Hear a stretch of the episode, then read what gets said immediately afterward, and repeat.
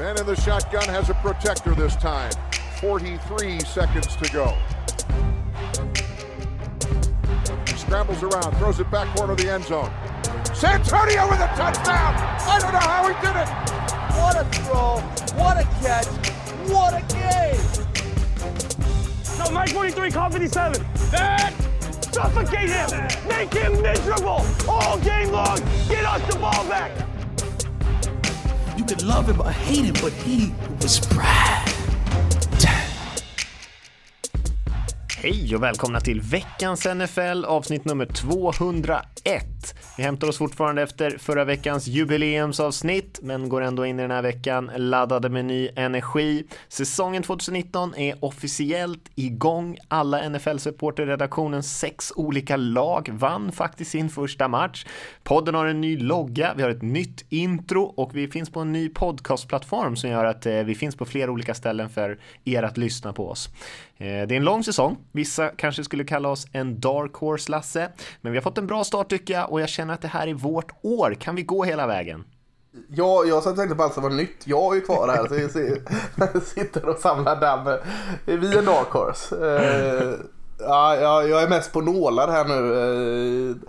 Du var ju på mig att ljudet inte var helt okej, oväntat nog. Så nu sitter micken så nära mig så jag vågar inte riktigt andas när jag pratar. Så, eh, men, men med det sagt så, så eh, skulle jag säga att vi är favoriter. Dark Horse får väl eh, något annat vara. Vi är favoriter, helt klart. Ja, det är, bra. man måste gå in med rätt swag in i säsongen. Ja, kan ju bara försöka när ingen kan säga emot. Ja, nej, men eh, jag det där lite. Ehm, som sagt, ny podcastplattform. Jag vet att det varit kanske lite svårt att hitta oss på olika eh, Acast vet jag sånt där. har Några problem med att vi inte har dykt upp där. Men jag tror att allting ska vara löst nu och om det inte är det så, så bör det vara det inom de närmaste dagarna. Och jag kan väl också säga några ord, för jag, fick en eh, jag fick ett sms från en kompis som brukar lyssna på podden som sa ja, men vad, vad har hänt med dig och Lasse? Har ni liksom slutat köra podden nu? För att eh, vi eh, testade ju en ny grej här vecka ett att vi kör en så kallad recap-podd eller en liksom reaktionspodd direkt som spelas in under söndagskvällen efter 19 matcherna. Så där hörde vi ju tre helt andra röster som eh, gjorde ett eh, grymt jobb där med att Verkligen. snacka lite om de matcherna. Så att, eh, och det kommer vi fortsätta med och det kommer nog rotera kanske lite grann vilka som är med från vecka till vecka, vilka som har möjlighet och så. Men eh, du och jag Lasse kommer ju fortfarande köra vår vanliga podd en gång i veckan. Ja. Men de där dyker upp i samma podcastflöde. Kan lägga till att jag fick inget sms. Det var ingen som reagerade att jag inte var med. Så jag känner mig lite nedstämd här nu direkt. Efter att ha gått Aj ut och då. sagt att vi är favoriter där. Men ja, ja, det är kanske någon som noterade det och, och, och frågade hemma i stugan. I alla fall, det hoppas vi på. Ja. Så där är det, det går ju lite upp och ner. Ja. Först kändes det jättebra, nu känns det lite sämre och sådär. Ja, ja. Vi ska, eh, eftersom det blir sånt, eh, eftersom en sån härlig sammanfattning av en del av matcherna under söndagen där så, så kommer vi fokusera kanske lite mer på de kommande matcherna än eh, de som har varit. Men eftersom eh, det var vecka ett här nu så kommer vi kanske prata lite mer om, om vad som hände just för att det är lite extra intressant. Men innan det ska vi ta lite nyheter. Och den stora nyheten som vi faktiskt har hunnit kommentera i den här podden eh, men som eh, kom för ett gäng dagar sedan nu det var ju att Antonio Brown eh, slutligen blev släppt av eh, Raiders och eh, upplockad av New England Patriots på bara några timmar. Eh, och han var ju inte med den första veckan här Men väntas ju spela nu om det inte kommer några andra nyheter för det har ju samtidigt kommit ut en eh, våldtäktsanklagan riktad mot Antonio Brown där en kvinna som har jobbat som hans tränare hävdar att han har förgripits på henne vid ett par olika tillfällen. Så att det är ju mycket som är uppe i luften där men jag tänker att den frågan med eh, anmälan har vi ingenting, eh, vet vi egentligen ingenting om, har ingen särskild information där så den får vi helt enkelt vänta och se. Men man kanske ska säga någonting om den här eh, bytet till Patriots eller vad man ska kalla det när han eh, blev upplockad av Patriots skrev, skrev på med dem. Eh, Han förlorar ju lite garanterade pengar på det men han kommer ju till ett lag som har betydligt större chanser att utmana. Ja, det var ganska intressant. Jag, jag tror det var på Good Morning NFL. Eh, pratade om eh, Carson Palmer, den gamla eh, högt draftade QB'n.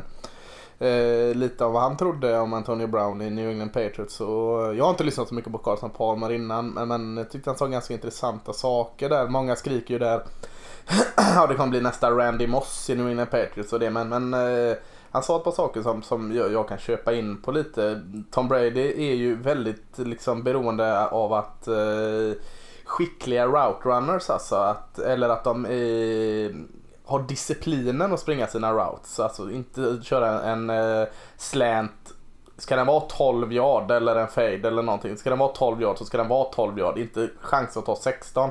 För Tom Brady lurar med sin blick och så vänder han sig om och så boom lägger han där. Så förutsätter han att Edelman står på 12 yardlinjen redo. Och Antonio Brown är, är ju lite av den motsatsen. Alltså han är ju mer som liksom jobbar eh, för att upp, komma upp eller alltså bli, bli fri. Och det, och det gör han jättebra. Eh, men, han är inte den där pålitliga route Han springer, jag ska inte säga att han springer sina routes dåligt men, men han brist på ett bättre ord, han kanske inte respekterar eh, att följa sina routes utan han, han mer satsar på att bli fri, öppen. Så Ben Roethlisberger tidigare kunde bomba ut dem för han liksom hittade Antonio Brown öppen. Han tar inte den, boom, står 12 yard utan han kan lika väl dra på 16 yard eller på 7 yards. Och, och den connectionen trodde Carson Palmer kanske inte riktigt var i synk så han trodde inte på att det var en bra match på grund av en sån sak. Och det är ganska roligt att höra allt annat snack om Antonio Brown. Man är ju trött på det här nu så det är ganska roligt att höra att de bryter ner det på plan. Liksom. Hur är matchningen mellan Tom Brady och Antonio Brown? Liksom. Så jag tyckte det var roligt att höra den aspekten nu för man är ju bra trött på allt annat snack om Antonio Brown nu. Ja, verkligen. Eh, nej, jag, jag, håller med dig där. Jag förstår den poängen. Han är ju lite mer av en frifräsare och hela mm. Steelers anfall var ju lite mer improvisationsbaserat kanske än mm. vad Patriots anfall är. Eh, jag tror att han kommer kunna göra ganska mycket nytta på plan om han nu någonsin kommer ut på den. Jag såg också lite teorier om att han Eh, jag såg det bland annat David Carr skickade ut någon bild på någon trojansk häst och såna här grejer som att han ska komma in och liksom förstöra Patriots inifrån. Eh, och jag vill inte, jag vet att det är många som gärna vill se Patriots komma ner på jorden lite grann, men jag tror att den chansen är obefintlig nästan att, att, det skulle, att han skulle kunna påverka dem på ett så pass negativt sätt. De är inte beroende av honom, vilket de visade här i sin match här senast och vi kommer väl komma in på det lite grann, men eh, om han inte, om han inte sköter sig som de, som de vill så kommer de bara släppa honom utan några konsekvenser tror jag. Så det är ju en, en win-win. Det är många också som har haft synpunkter på hur det här skedde. Hur kunde man ha en deal så fort på plats? Eh, det har också kommit ut en del uppgifter om att Antonio Brown medvetet eh, provocerade fram sin release från Raiders eh, och då såklart kopplar man ihop ett och två där och så antar man att han kanske till och med hade fått löfte om att han kommer få ett nytt kontrakt med Patriots om han blir släppt. Eh, och det är ju såklart inte tillåtet. Och sen är det ju Patriots blir det lite extra eh, kräm i de här konspirationsteorierna. Så vi får väl se lite grann, men visst det luktade det lite illa. Patriots hade ju försökt byta till sig Antonio Brown från mm. Steelers mm. för ett högt pris eh, innan de bytte bort honom till Raiders. Men, de, men Steelers hade ju ingen vill ju inte byta bort honom till New England för att Nej. de är ett för stort hot. Eh, och nu hamnar han där ändå och de behöver inte betala någonting för det. Så att eh, ja, det, det, är väl en lite win-win för alla involverade här, men de lagen som inte har varit involverade eh, tycker nog inte att det här var så jättesnyggt. Så vi får se om det blir någon utredning från NFL sida om att det har skett någonting lite mm. skumt här. Ja, eh, får framtiden uttala det har vi väldigt lite inside information. Verkligen, verkligen. Innan vi kliver in på matcherna Lasse så kanske vi ska nämna några eh, skador och sånt där för sånt blir det ju alltid, särskilt i början på eh, säsongen känns det som att det är ännu vanligare. Eh, och vi kan väl nämna några av dem som är lite allvarligare här i alla fall så får vi se om, mm. vi, Eh, om det är någon annan som dyker upp lite senare. Men eh, defensiva linjespelaren Malik Jackson i Eagles borta hela året. Eh, den här snackiga safetyn i Raiders som vi såg i Hard Knocks, Jonathan Abram också borta hela året. Tyreek Hill borta 6 8 veckor för Chiefs receivern. Eh, Quincy Enunwa, receiven i Jets, eh, också hela året. Hans andra allvarliga nackskada mm. som många spekulerat om karriären kan vara över. Som tur är han har skriva på ett, ett relativt stort kontrakt i alla fall så att ekonomiskt eh, så hade, hade han i alla fall säkrat sin framtid lite grann. Eh, sen har vi en del andra, Chris Lindström också, garden i, i Falcons på den eh, offensiva linjen som redan hade lite svettigt, också hamnade på IR. Sen har vi... Ja, båda deras eh, eh, offensiva linjespelare i första rundan Falcons, eh, den, den andra McGrary eller vad han hette, fick väl mm. opereras där också. Ja exakt. Ja. Han väntas väl i alla fall komma tillbaka va, ja. Caleb McGarry. Mm. Mm. Eh, ja, alltså det är väl kanske framförallt de stora skadorna som vi ska nämna. Eh, man kan ju också säga att Sam Darnold också inte kommer spela här vecka två.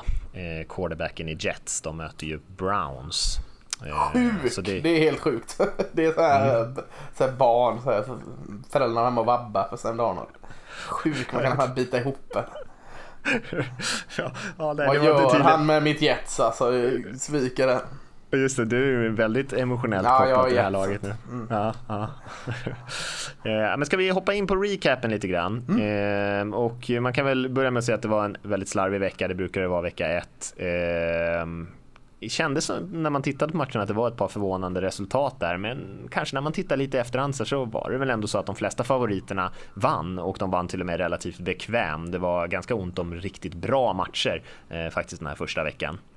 Ja, det, ja och nej. Eh, alltså, nej, det var inte så mycket förvånande resultat. Vi kanske ska komma till det sen. Eller? För, eh, men, men, men eh, det var ju en fantastiskt bra match. Det kanske var hypen att det var vecka ett. Men, men eh, Houston mot New Orleans var ju helt otroligt bra. Jag, jag minns inte när jag såg en så spännande och bra offensiv match i varje fall som den. Den tyckte jag verkligen liksom knöt ihop hela jäkla vecka ett på ett fantastiskt sätt. Mm. Ja men det var väl en av dem som stack ut som lite mer spännande. Vi hade mm. ju en spännande match mellan Rams och Panthers också som mm. förvisso var lite upp och ner i, i hur eh, skärpan såg ut på de två lagen men Christian McCaffrey där som spelade fantastiskt för Panthers och ett ganska slarvigt Rams som ändå lyckades vinna den matchen med 30-27 Eh, mycket på grund av en del misstag som han gjorde i Carolina, men ändå två ganska bra lag som spelade en jämn match. Hade en jämn match också i, i Seattle där Bengals och Seahawks gjorde upp eh, som eh, gick hela vägen ner till slutminuterna innan den avgjordes. Seahawks vann mm. med en poäng där. mer eller mindre rättvist kan man ju diskutera. Mm. Cincinnati kanske till och med var det bättre laget, men det var en klassisk mm. Seahawks match där, där man eh, kanske medvetet håller matcherna jämna och hoppas på att man kan eh, liksom tugga ut dem i slutet och vinna en, en tight fight. Det är ju lite deras filosofi, eller Pete Carrolls filosofi. Så att eh, mm. man lyckades den här gången i alla fall. Ja, eh, nej men det var så. Alltså, får jag prata om Dallas Cowboys här? Är det, är det, för eh, så här, enkelspårigt att jag ska prata om Cowboys? Jag brukar ju eh, lägga bukt på mig hyfsat där men eh, jäklar vad den offensiven eh, fick fart med en ny offensiv koordinator. Mm. Eh, liksom det är sånt här när man sitter och leker eh, i, i för, eller under off-season. Du vet att ja, med den och den och den så kan man göra det och det och det och det. allt sånt satt ju. Det, det klickar ju bara. så ja. det, det, var helt otroligt att se. Nej, det är ju kul och man har ju anat att det skulle vara bra det där anfallet men kanske inte just passanfallet att det skulle vara så otroligt eh, effektivt. Nu mötte man ju kanske inte det bästa försvaret heller i eh, Giants D där men... Eh, nej, nej det var, det var, oh, vad roligt det var men, men just liksom att eh, spela i motion och spela play action rätt och, och allting liksom så i passspelet var Sådär, alltså, är det så bra man kan spela i Cowboys? Det, det, det visste jag inte om själv. Så att, ja, nu kommer man att landa här nästa vecka. Men ja, det var jäkligt coolt att se. Ja, verkligen. Kellen Moore där har fått mycket hype. Eh, nya mm. OC'n, gamla, gamla kuben. Han är inte så gammal. Han var ju nyss, nyss aktiv eh, som reservkub i alla fall i NFL. Mm. Ehm, men om vi ska hoppa lite Lasse, vi, vi, har lite olika kategorier där som vi ska försöka hålla oss till ändå. Ja. Ehm, och en av dem eh, var ju att vi skulle försöka lyfta någon, någon skräll kanske varje vecka. Och eh, det var kanske inte så jättemånga sådana. Har du någon skräll att bjussa på? Alltså, kollar man resultatmässigt så är det väl en match som sticker ut och det är ju Titans vann ganska klart borta mot, eh, som vi ändå flaggat för, lite, kanske lite för tidigt hypade Cleveland Browns. Men, men eh, det tycker jag väl går under kategorin skräll ändå om man, om man kollar på resultatet. Eh, nu eh, gjorde ju Cleveland Browns väldigt, väldigt, väldigt jobbigt för sig själva. Slarvade med mycket, mycket, mycket flaggor. Men, men, men eh, det ska ju inte ta, ta ifrån att Mariota gjorde en bra match. Eh, Rookie Naja Brown, Derek Henry, ytterligare sånt där långt magiskt spel från honom. Han är en, känns som verkligen en sån som att kanske inte gör så mycket och så drar han en på 70 yards. Eh, Delaney Walker var bra. Eh, jag tycker försvaret var också väldigt bra med Cameron Wake såg ut som han eh, så bra som han aldrig har gjort innan. Eh, så att jag tycker inte man ska ta ifrån Titans den segern. Nu var kanske Baker Mayfield veckans sämsta quarterback men, eh, det, det är väl den största skrällen jag kan se i alla fall. Han avslutade ju åtminstone matchen väldigt dåligt, Baker. Mm. Eh, det, det, var ju jämnt ganska länge den där matchen, så res, slutresultatet är kanske lite missvisande att det var så utklassning för Titans, för så, så mycket bättre var de inte än Browns. Men Browns var ju otroligt slarviga. De hade ju 18 mm. penalty står jag för nästan 200 yards. Eh, och det är ju, eh, jag tror att det var det mesta de har haft sedan 50, början på 50-talet. Eh, så mm. det var ju en eh, historiskt slarvig match från Browns. Annars tyckte jag att den var ganska jämn ändå. Eh, men Titans är inte ett dåligt lag. Vi var ju inne på det när vi pratade om dem. De har en bra trupp. Eh, mm. Utmaningarna där, eller rättare sagt frågetecknen, finns väl kring Mariota och passningsspelet. Och det, det såg bättre ut i den här matchen. Ja, jag är fortfarande inte övertygad. Jag är fortfarande inte helt övertygad, men det är väldigt nyttigt för dem att, få Delaney Walker tillbaka. Ja, jag är inte så orolig för, Mariota. Eh, alltså Mariota, det, han är så eh, beroende av Delaney Walker. Liksom, kunna liksom alltid lägga den på honom. Så eh, det, det syntes att han var tillbaka mycket mer lugn. Ja, jag visst, nej, nästan ja. brottsligt underskattad spelare, Delaney Walker. Ja. Eh, varit stabil och bra många, många år i rad. När han ja. inte är skadad. Eh, mer skrällar, har du någon du tänker på så? Uh, för mig, Raiders var en skräll.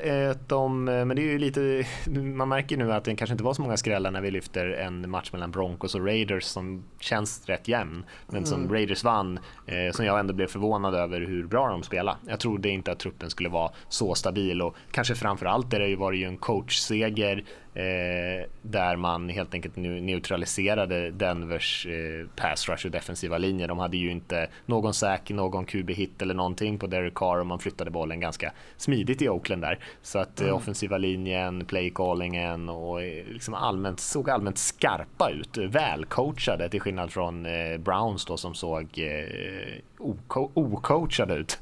Så de kom ju ut i alla fall som ett väldigt slipat lag och det var, förvånar mig lite grann faktiskt ändå. Ja det gör det eftersom man sätter Hardnox där det kanske inte har sett så eh, slipat och välcoachat och eh, ordningsuträttat. Jag är smart det där eh, just med hur de lägger upp matchplanen med att Carr håller i bollen så extremt kort tid innan han släpper den och liksom ger inte ens Von Miller och de chansen att nudda honom lite så som eh, Giants filosofi har varit med Eli Manning. Sen kanske Eli Manning har lämnat en del att önska. Men, men eh, ja, smart sätt att liksom neutralisera eh, pass rusher-hoten. Verkligen. Kul med Waller där, tight som vi såg i, i Hard Knocks. Som, mm. eh, det var lite klipp med honom där han berättade om sin eh, historia. Så det har haft det väldigt, väldigt stökigt med missbruk och allting. Han berättade ju att han eh, egentligen all, aldrig gick på någon träning då han inte var hög under själva träningen. Han hörde knappt när coacherna liksom var liksom non-responsive när coacherna försökte prata med honom. Så där. Och han har ju tagit sig tillbaka från det i alla fall. Och nu spelade han alla 55 offensiva snaps för Raiders i den här matchen. Eh, så, och det var ju lite tveksamt om han ens skulle komma med på truppen. Så mm. Att, eh, för honom var det ju en väldigt eh, kul eh, debut där såklart. Mm. Eh, jag vet inte om man ska ta, skrälla så, men man kanske plocka ut segment ur veckan. Jag tycker Cardinals fjärde quarter var överraskande hur de kunde rycka upp sig. ja, Såg ut att gå på en, en, en eh, platt förlust här mot Detroit Lions. Eh, eh, Kylie Murray, eh, första draftade rookie-kuben här, såg ju allt annat än en, en eh, spännande ut. Såg väldigt valpig ut. Han och, och, stora delar av Connolls visade i varje fall att eh, så jäkla dåligt är det inte. Och nu kanske inte Lions är den största värdemätaren men eh, hämtade ikapp det där, tog det till övertid och fick med sig ett kryss första matchen. Det, det är väl någon form av skräll, särskilt att de börjar så svagt. Mm. Nej, jag håller med dig. Det såg ju såg ut som att det var på väg rakt ner i, mm.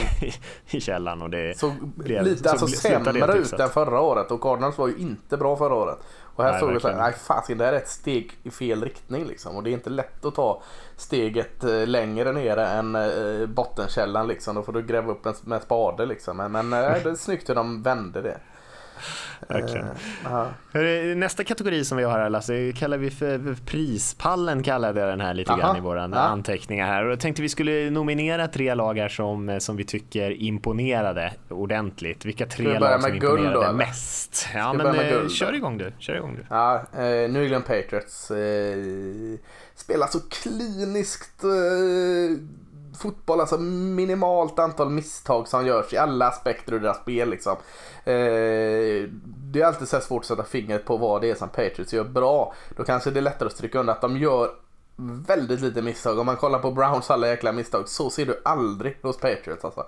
De är så, alltså, så kliniska i sitt spel och eh, kanske med ligans bästa secondary eh, har man och, och ja, Tom Brady med sina receivers, alltså Dorsett, Edelman, Gordon kan vi säga. Men även eh, running back White och Burkhead eh, finns där att liksom servera. Så att, ah, eh, tråkigt som fan att säga Patriots, men, men eh, så är det ju. Alltså kliniskt spelar de. Ja, nej, men vi kommer ju till några andra lag som gjorde bra matcher såklart, men för mig så håller jag helt med dig. Det, inget annat lag var i närheten av så imponerande som New England var. Eh, fullständigt överlägsna på en sån här prispall tycker jag och det ju, beror ju på att man mötte ett, ett, lag som många förväntar sig ska vara väldigt bra och det såg ut som att de mötte ett eh, ett eh, juniorlag eller liksom ett ja. high school-lag eller någonting. Det var så smärtsamt enkelt för Patriots att vinna den här matchen mot totalt eh, hopplöst tamt eh, Pittsburgh Steelers. Eh, så eh, Nej, det, det, kommer bli svårt att stoppa det här laget i år. Som sagt, ett försvar som är bättre än på någon, än någonsin och eh, ett sådär slipat anfall som med, med Brown också har liksom hur mycket vapen som helst. Mm. Var du på pallen då? Du har Patriots med um, såklart, men vad, vad är mer ska vara med där? Uh, jag skulle nog slänga upp uh, Ravens där ändå. De mötte ju inte ett bra lag. De mötte ju Dolphins som uh, många nog väntar ska vara ett strykgäng. Men det finns ju liksom en gräns för uh, hur, hur, mycket man spöar på ett dåligt lag tills det börjar bli rätt imponerande ändå. man gjorde 59 poäng i slutändan och dominerade med sitt försvar en, en stor del av matchen också. Eh, hade ju flera turnovers eh, och eh, ja, bara totalt eh, spelade ut ett, ett, ett, eh, ett svagt Dolphins och eh, Lamar Jackson ett stort utropstecken såklart. Mm. Jag säger utmanat till Patriots då Kansas City Chiefs och kanske inte hela Kansas City Chiefs men Kansas City Chiefs offensiv.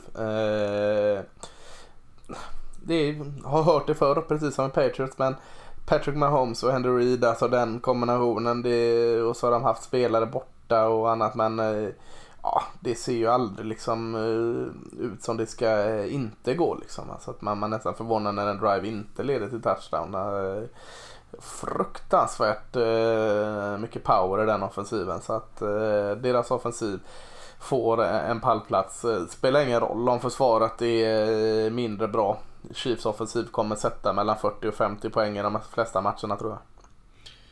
Ja, det är väl lite som i fjol. Då vinner man ju matchen, mm. matchen mot de flesta. Eh, mm. Man höll ju till och med på slut Patriots i slutspelet förra mm. säsongen. Mm. Ja, jag skulle inte sätta dem på en sån här pall just för att försvaret spelar så dåligt. Man gav ju upp 600 yards nästan, eller ja. över 600 yards mot Nej, jag sätter offensiv, deras offensiv på pallen.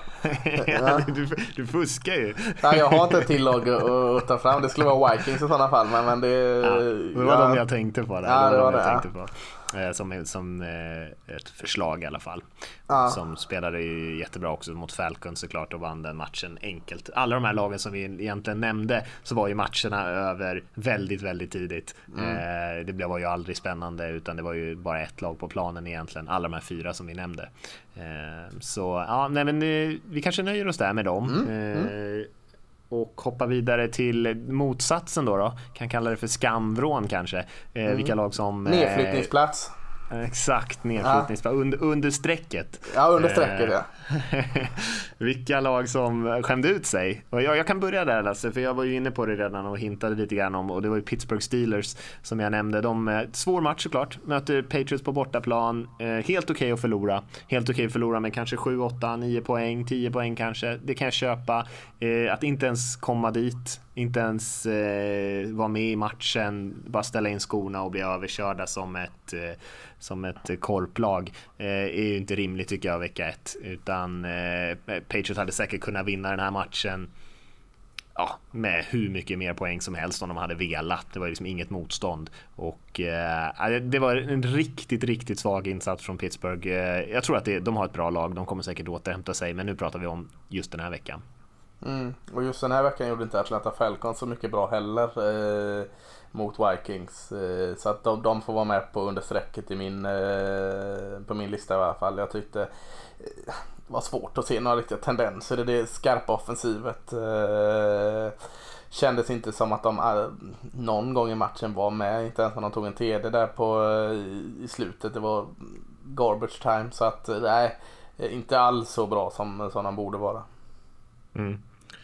Jag slänger in Lions också då, eh, som ändå började matchen bra, hade den i, i, sin hand, en stor ledning mot eh, det som var det sämsta laget i NFL egentligen förra säsongen. Eh, fortfarande en väldigt svag trupp och så släpper man in eh, Cardinals i matchen och lyckas inte heller vinna på övertid så att det blev ett kryss i den här matchen. Lions som har ett eh, en eh, tuff resa framför sig för att vara med och utmana om någonting den här säsongen och eh, så börjar man att torska mot eh, ett Arizona som ändå är förväntas vara någonstans i botten på ligan. Ingen bra start. Klarar sig Miami Dolphins från den här listan alltså? Ja, jag tänker väl så här, det är förväntningar tänker jag kontra vad de levererade. Ja. Browns skulle man ju kunna slänga in men, men Dolphins var ju nog ingen som hade väntat sig att de skulle Eh, ha någon chans egentligen. Ah, kanske förvänta sig att han skulle ha någon, någon tendens av first down eller något sådant. Liksom. ja, ja. Jag hörde någon säga att till och med Fitzpatrick spelade till och med en ganska bra match och det är ju lite intressant när man förlorar så stort som de gjorde. Men, eh, ja. ja. Eh, ska vi hoppa över till vår nästa lilla mm. kategori mm. här, spaningen, vad vi kallar dem. Mm. Har du någon spaning här från första veckan? Vilka namn du har på grejerna. Mm, det är bra va? Eh, Trademarkat. Ja. Spaningen. Spaningen eh, känns också helt originell. Det är ingen som har kört det förut. Nej, spaningen är ju alla dessa quarterbacks som presterade så väldigt, väldigt fint vecka ett. Alltså, eh, tänker man säga, det är ju lätt att säga att Lamar Jackson var bästa kuben. Eh, nej, det är inte så jäkla lätt att säga. Alltså, jag ska inte börja rabbla stats och grejer, men, men jag ska rabbla quarterbacks som eh, verkligen var bra vecka ett. Alltså, Lamar Jackson har vi. Patrick Mahomes har vi. Vi har Dak Prescott. Vi har Tom Brady. Vi har för fasken Derek Carr. Vi har Carson Wentz. Case Keenum var bra. Dishon Watson. Drew Brees, Gardner, Minshew, eh, mustaschrookien var bra.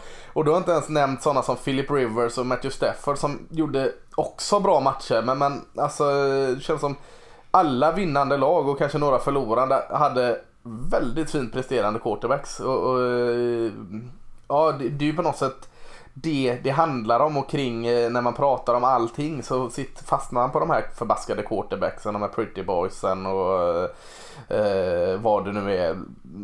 Och så levererar de liksom. Vi har sagt att eh, man måste ha en bra QB för att vinna och eh, vi såg en hel drös av bra QBs vecka 1. Ja, ja, det var inte många som totalt bombade. Det var James Winston och vi pratade om Mayfield här som eh, också var lite småskadad där i den matchen som eh, slängde interceptions i höger och vänster. Men eh, jag håller med dig, det var många QB som spelade bra för att vara vecka ett ändå, där det ändå brukar vara lite stökigt. Jag kan lyfta en annan spaning då som är ungefär på samma, det är ungefär på samma tema, för om det är massa mm. quarterbacks som spelar bra, då är det såklart massa passmottagande spel, skillspelare som spelar bra. Så att ja. rookie wide receivers och tight ends var ju en story också tycker jag. Vi kan nämna Hollywood Brown till exempel för Ravens som fångade flera långa touchdowns. Jag tror han till och med slog någon typ av rekord. TJ Hawkinson, tight enden som eh, du var så hypad på i Lions. Mm. Många andra spelare som, som verkligen levererade den här eh, första veckan och eh, kanske en, en rätt spännande eh, grupp skillspelare som vi har fått in ändå. Ja, det, alltså Hollywood Brown då i Baltimore, eh, 147 gör två touchdown, 10 hockey så han tar den i Detroit. Eh, 131 ja den touchdown där. Det är ju två såklart. Terry McLaren eh, i, i, Washington, eh, inte så hypad från, från college i Georgia där. Eh, 125 ja den touchdown. Eh, A.J. Brown eh, och DK Metcalf, båda från Old Miss. Eh, A.J. Brown i Tennessee och D. Metcalf i Seattle. Jättefina matcher. Preston Williams, en av få som var något form av glädjeämne i Miami Dolphins från Colorado State. Eh, så det var en, en hel drös av, av eh, väldigt bra rookie receivers. Eh, och det är förbaskat kul liksom. Om, vi ska eh, ha den här ligan igång som är en passande liga numera så måste vi ha dem. Alltså kollar vi på Run Jacobs i Oakland så var väl den som stack ut och, och då var han väl inte sådär överjäkligt bra heller. Han lyckades trycka in två touchdown, det var väl det. De matade han hela tiden med bollen. Nej, det var ju många som visade lite löfte där, men inte alls på samma nivå som eh, Nej. receivers som liksom verkligen producerade också.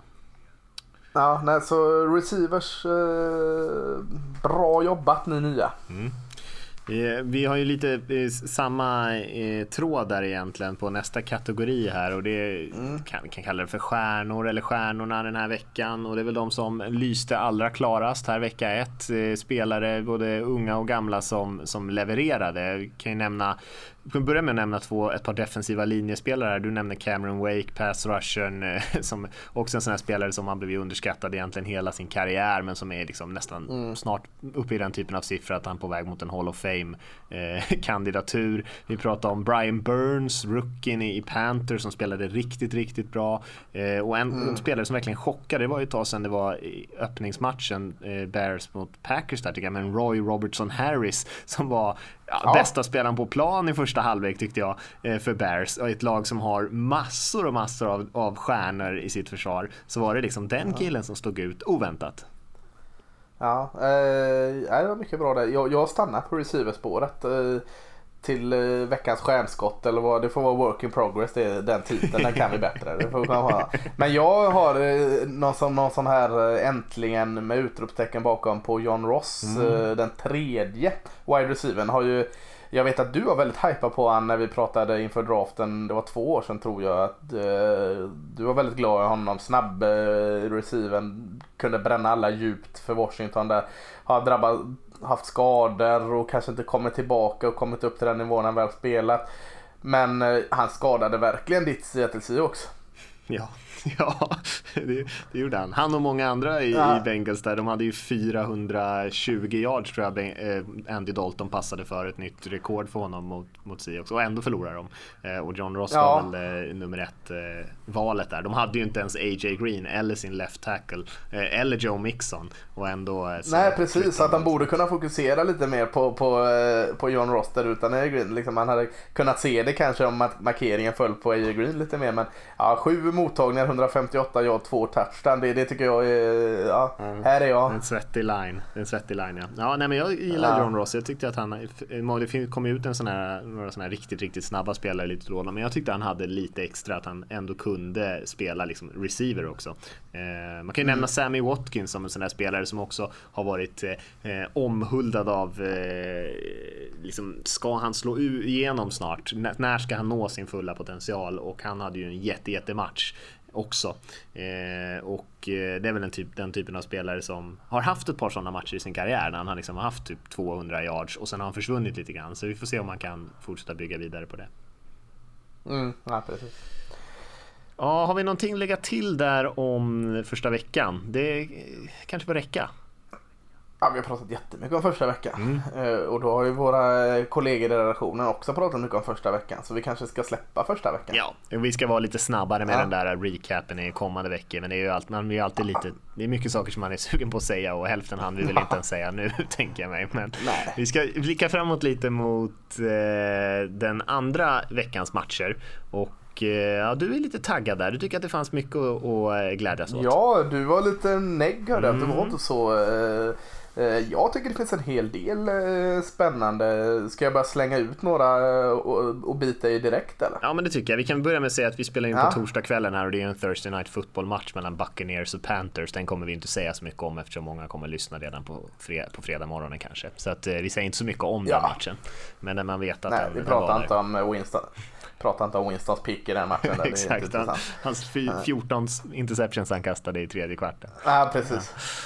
Eh, nej men eh, direkt ut. Eh, Vikings åker upp till Lambo och möter Green Bay. Tycker jag är alltid en kul match. Och framförallt nu med eh, Green Bay som överraskade lite. eh, Ja, jag vet inte om de överraskade positivt eller om Bears överraskade negativt. Men, men, men de vann i varje fall nere i, i Chicago. Det var väl ganska länge sedan de var så många som tippade mot dem i den matchen än vad det var i år. Och lyckades de vinna den. Eh, Försvaret såg, såg eh, väldigt disciplinerat och starkt ut. Jag vet inte om, om eh, jag kan lyfta fram några stjärnor så från matchen. Men, men eh, imponerande insats att hålla ett bedrövligt offensiv visserligen till bara tre poäng. Det, det, det, det får man inte på något sätt eh, borsta bort. Sen är det lite liksom, eller mycket kanske kvar att önska i den offensiven men Aaron Rodgers Får han lite bättre skydd från sin offensiva linje? Jag tycker det daltas lite för mycket med Bacteria, alla de här eh, Greenbergs offensiva linje. De, de har hål i den. Eh, så, så eh, kan det bli matcher med anfall. För Vikings eh, såg stark ut över hela jäkla brädet. Eh, springspelet eh, fungerar, fungerar helt plötsligt med en hel Delvin Cook här som har haft skadeproblem. Offensiva linjen som var mm, 2018 såg bättre ut och nej. Eh, det svagaste kortet är quarterbacken så, som ändå gjorde en okej okay match så, så, ser det ganska bra ut.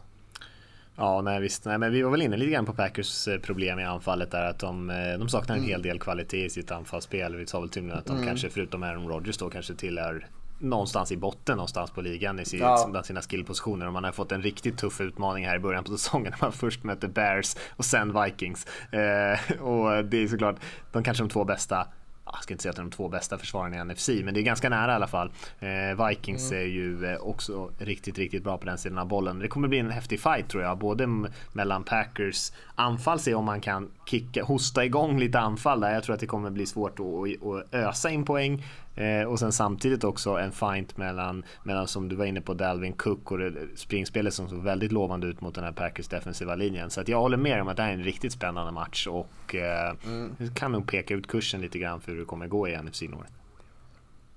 Ja, eh, Seahawks eh, åker och möter Pittsburgh Steelers. Eh, blir ju spännande nu tycker jag matchen alltså eh, med tanke på eh, vecka ett där Pittsburgh åkte på det där ordentliga magplasket uppe i, i Bostonområdet. Eh, så, så lär vi få se ett helt annat Pittsburgh. Försvaret där, uh, det är inte riktigt bra när en, en rookie är den som tar på sig ledarrollen i försvaret här. Jag tänker på, vad heter han, Michigan linebacken Bush här tyckte jag kändes som han, det var han mot världen ett tag där och det, är ju inget gott tecken men eh, offensiven i Steelers är jag inte alls orolig för. Den kommer bli bättre, den kommer bli ordentligt mycket bättre. Jag tror den kommer vara bättre redan här. Och då är frågan är vad ett, eh, kanske lite slarvigt Seahawks, de vann ändå, om de kan stå emot Pittsburgh.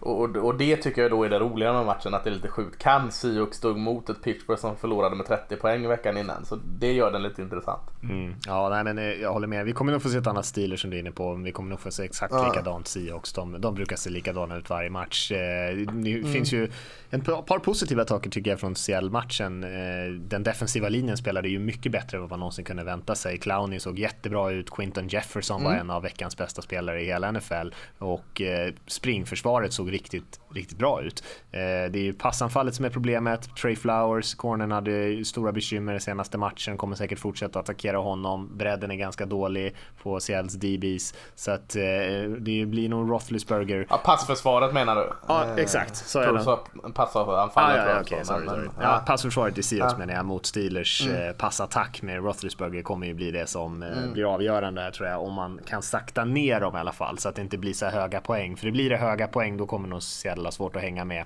Eh, man litar ju på de här mm. stora spelen, sen kötta, hålla matcherna långsamma med ganska låga poäng.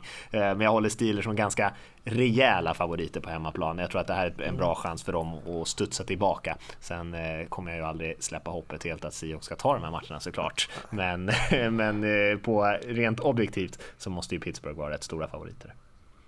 Ja, och det är det jag tycker är roligt med matchen. Att uh, det här Steelers uh, som har den matchen i bagaget mot uh, Patriots är favoriter här. Ja, mot, ja det är uh, intressant såklart. Men hade man mött någon annan än Patriots så hade det kanske inte varit så. Men...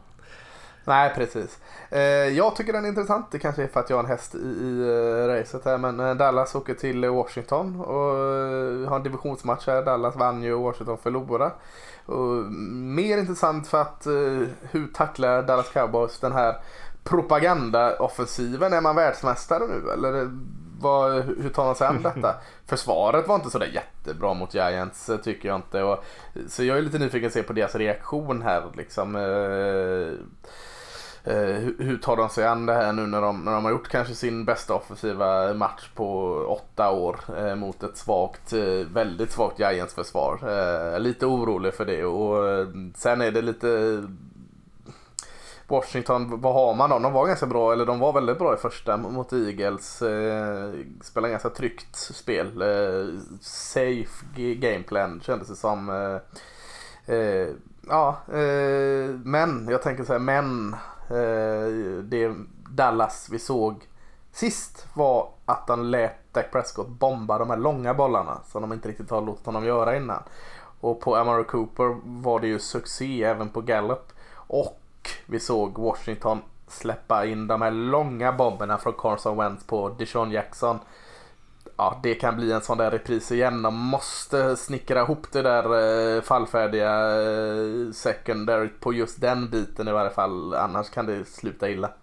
Mm, ja, jag tror de får det riktigt, riktigt svettigt Washington där. De har också haft lite otur med skadorna får man säga. Darius Guys, running backen, ja. är skadad igen och likadant eh, linjespelaren Jonathan Allen som vi hoppas ändå ska lyckas slå igenom snart. En rolig spelare från college mm. eh, som inte riktigt har eh, fått det att klicka än. Eh, jag tycker det finns eh, en hel del andra spännande matcher att kika på. Ska vi hålla oss till 19 matcherna kanske man kan nämna Jaguars Texans där med, med Minshew mm. eh, som många är, är, lite hypade på. Kommer från den här Mike Leach-trädet och många gillar Eh, vad de har sett från honom. Eh, jag var tvungen att kolla mina anteckningar från draften där och, och eh, hade en del positivt ändå om honom. Eh, hade väl just det där med vad har han för typ av tak? Räcker den där armen? Är den tillräckligt? Har han tillräckligt mycket kräm eh, för att kunna spela på en hög nivå? Men eh, jag tror att han kommer kunna eh, leverera hyfsat i alla fall under den här eh, tiden och ja, hålla liksom, dem under armarna lite grann. Men man möter ett Texan som är, är bra i år och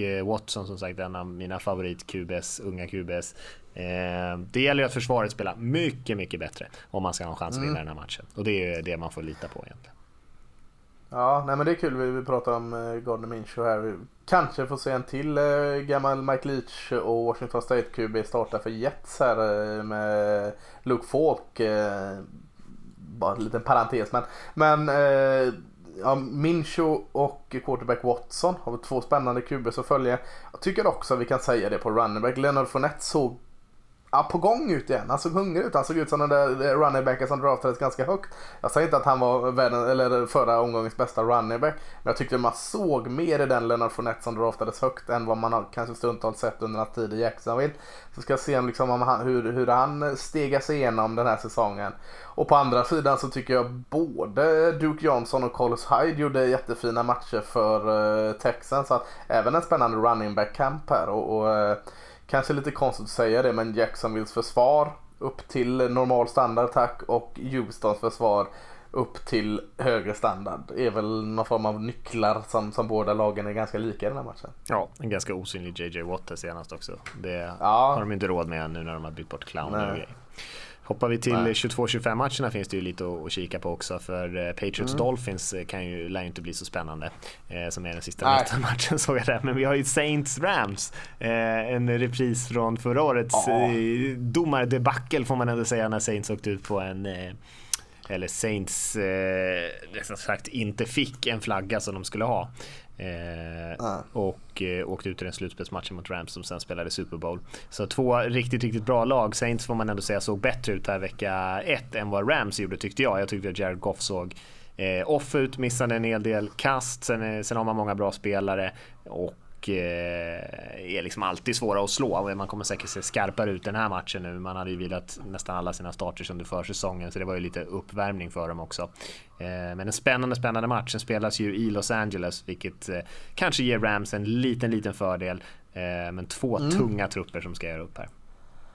Eh, det här får väl ses som veckans match tycker jag om vi ska ringa in en sådan. Eh, intressant det här liksom, om man säger att matchen spelas i Los Angeles här nu. För det är, det är inte jag som kommit till den här slutsatsen utan jag hörde det också på någon annan ISBN eller vad det nu må vara. Eh, det här med att eh, tidsskillnaden, jag vet inte hur, hur, men det är ganska intressant. Det är, de åkte och spelade på östkusten från västkusten. Det är, eh, hur många timmar är det där? Fyra? Tre? Eh, mm. Oavsett. Tre. Rams såg väldigt, väldigt eh, under isen och dåliga ut i första halvlek och då är det ändå eh, under Sean McWay har Rams varit ett väldigt bra bortalag. Eh, så det var så här, vad, vad händer där nu? Men i andra halvlek när eh, västkusttiden började komma upp. Det var också en lunchmatch så det var väldigt tidigt på morgonen i deras mentala klocka. Då kom, i andra halvlek kom Todd Gurley igång och Robert Quinn kom igång betydligt bättre. Goff kom väl kanske inte igång under matchen alls men, men de såg betydligt bättre ut i andra halvlek och det var ju under andra halvlek de vann den här matchen. Eh, så jag vet inte om det bara är mumbo jumbo men, men eh, en 12-match och så då är det alltså, vad blir det, klockan nio på morgonen eh, deras mentala klocka. Kanske en liten förklaring att det tog lite tid för dem att komma igång. Jag älskar när du är igång och pratar om tidsskillnader och mentala klockor. Då vet man liksom att säsongen är igång känns det som. Ja, det, det är inte jag som har kommit men, men när jag hörde det så, eh, ja det, det, det får jag nog liksom lägga karbonpapper på och kopiera och säga i podden. Men, men det är inte min, min spaning. Nej, nej. Eh, nej, men det kan ju säkert vara en faktor. Det är, intressant att se hur, det här, hur den här matchen kommer utspela sig. Det kommer ju vara rätt mycket tjat om förra årets match kan man ju tänka sig inför här. Yes. Och eh, se om det också kanske påverkar något av lagen. Eh, eh, att de kommer få massor och massor av frågor om det såklart. Men, ja. två bra lag tidigt på säsongen och kanske inte riktigt i sin form just nu, toppform som de ska vara i, men en viktig match ändå i NFC. Om vi hoppar till ja. nattmatchen där, skippa Bears Broncos som också spelas 22-25 så tycker jag vi har en väldigt intressant match med Eagles som spelar på bortaplan mot Falcons. Båda de här lagen eh, började ju framförallt väldigt dåligt. Eh, Falcons spelar ju dåligt nästan hela matchen kan man väl säga. Eagles vände ju och vann mot Redskins. Eh, men nu är det i Atlanta, vilket ger dem ett litet, litet plus såklart. Eagles är väl ändå favoriter som det klart bättre laget, men Atlanta måste ju definitivt spela en bättre match nu här. Men det är en tuff utmaning. Eagles bra på båda linjerna och visade ju förra veckan att de har de här explosiva spelen i sig också. Mm, fågelmatchen. Eh, Falkarna mm. mot Örnarna här. Mm. Eh, låter som här speedway-derby i Småland någonstans. Falkarna mot Örnarna. Men, men eh, ja, är det första halvleks Eagles vi får se eller det andra halvleks Eagles vi får se? Och, eh, vi hoppas för Falcons skull att det är ingen av halvlekarnas Falcons vi får se. För att eh, det fanns ordentligt med frågetecken kring båda de här lagen. Eh, Eagles vände ju och vann på ett jättefint sätt. Men eh, första halvlek hoppas vi eh, för deras skull att eh, det är borta. Breaking news här Lasse, ingen Luke Falk som startar ja tyvärr. Ja, jag sa ju det. Jag sa ju sim igen. Jag gick efter för grupptrycket där när redaktionen går och säger att Luke Falk ska starta. Kanske ja. inte riktigt värd en breaking news där, men, det, men eh, ja, det var bara vi som hade rört ja, ihop det lite grann inom ja. redaktionen där. Det är Luke Falk i, i backup till Travis Simeon i den här matchen för, eh, för Jets. Som vi ändå med måndag, eh, Monday Night Football-matchen är ju Browns hos Jets. Det såg ändå ut som att det skulle kunna blivit en väldigt spännande match. Eh, utan Sam Darnold så är den inte riktigt lika sexig tycker jag. Browns har ju ett, eh, en bra chans här nu att eh, hitta tillbaka lite grann. De kanske behövde den där kaxiga laget, kanske behövde den där örfilen av att bli lite utklassad av Tennessee Titans i första veckan. Eh, för att vakna upp och se att ja, nej, vi är inte det bästa laget i NFL. Vi är inte riktigt eh, uppe i New England Patriots status än. Bara för att vi gick en säsong och vann eh, nästan 50% av våra matcher. Så mm. det kan kanske till och med varit nyttigt. Men man har en chans att hitta ja. tillbaka lite här Eh, det, annars är inte den matchen sådär superintressant. Man kan, vi nämnde väl Levion kanske... Bell vet du, han har fått en match på att värma upp här nu vet du. Nu jäklar är det Levion Bell show i, i New Jersey. Ja, och där viskas det också om att han har lite, kanske någon skada. Så vi får se lite grann hur det blir med hans ah. status också. Så att det är lite, tappar lite stjärnglans där. Vi nämnde ju inte Cardinals Ravens i början va? Det tycker jag ändå man kan Nej, säga som ett... skulle vi göra det? Nej, men jag tycker det är kul ändå Ravens med sitt nya anfall och Lamar Jackson och sen så har vi Kyler Murray nummer ett overall picket där som är QB för Cardinals. Terrell Suggs i eh, Cardinals-tröja och inte Ravens-tröja är väl det roligaste där. Ja, ja. ja han känns inte som en kille som så här, eh, begraver stridsyxan i onödan eller? Det kanske kan vara lite... ja, uh, nej, det, det är det roliga där matchen tycker jag. Ja. Är det något annat du ser där som du tycker vi ska nämna? Nej, jag eh, fuckade upp förra podcasten eftersom jag inte har en tyst mus här. så att jag, jag, kan, jag kan inte klicka fram något felschema. Jag sitter där med bakbundna händer. Så att uh, jag, jag, jag, låter dig, uh, jag låter dig lossa oss igenom matcherna så kan jag försöka flika in. Ja, då kan, jag, ja. då kan jag säga dig att det inte finns så mycket fler intressanta matcher faktiskt Nej, på, på spelschemat mm. just nu. Um, ja, det, det, det, alltid, finns ju alltid något intressant att hitta i varje match, men eh, jag tycker att vi har lyft de som känns mest relevanta den här veckan. Eh, och eh, egentligen kanske vi då ska ta och knyta ihop säcken lite grann. Eh, vi, som sagt, det kommer ju komma en podd även nu på söndag. Det brukar komma ut på söndag natten men man har den i alla fall till på måndag morgonen om man vill gå upp och lyssna lite grann. Mm. Framförallt på vad, våra reaktioner på de tidiga matcherna. Eh, och eh, det tycker jag ni ska göra. Jag tycker det var ett ganska kul koncept där som eh, kom ut där. Jag lyssnade med, med glädje på på ja, Magnus, Magnus och Olof som eh, snackade mm. upp de 19 matcherna. Det var riktigt eh, intressant tycker jag. Ja, verkligen. Eh, så, så det, det, ser vi fram emot. Så, men först innan de börjar snacka så ser vi fram emot att faktiskt se matcherna vecka två också. Det, det ser vi fram emot lite mer. lite, lite mer. Om man, har några, om man har några frågor så kan man skicka in dem till eh, podcast.nflsupporter.se eh, så tar vi upp dem här i podden. Men annars, ha en bra vecka två allihopa så, så hörs vi igen om en vecka. Det gör vi. Ha det bra.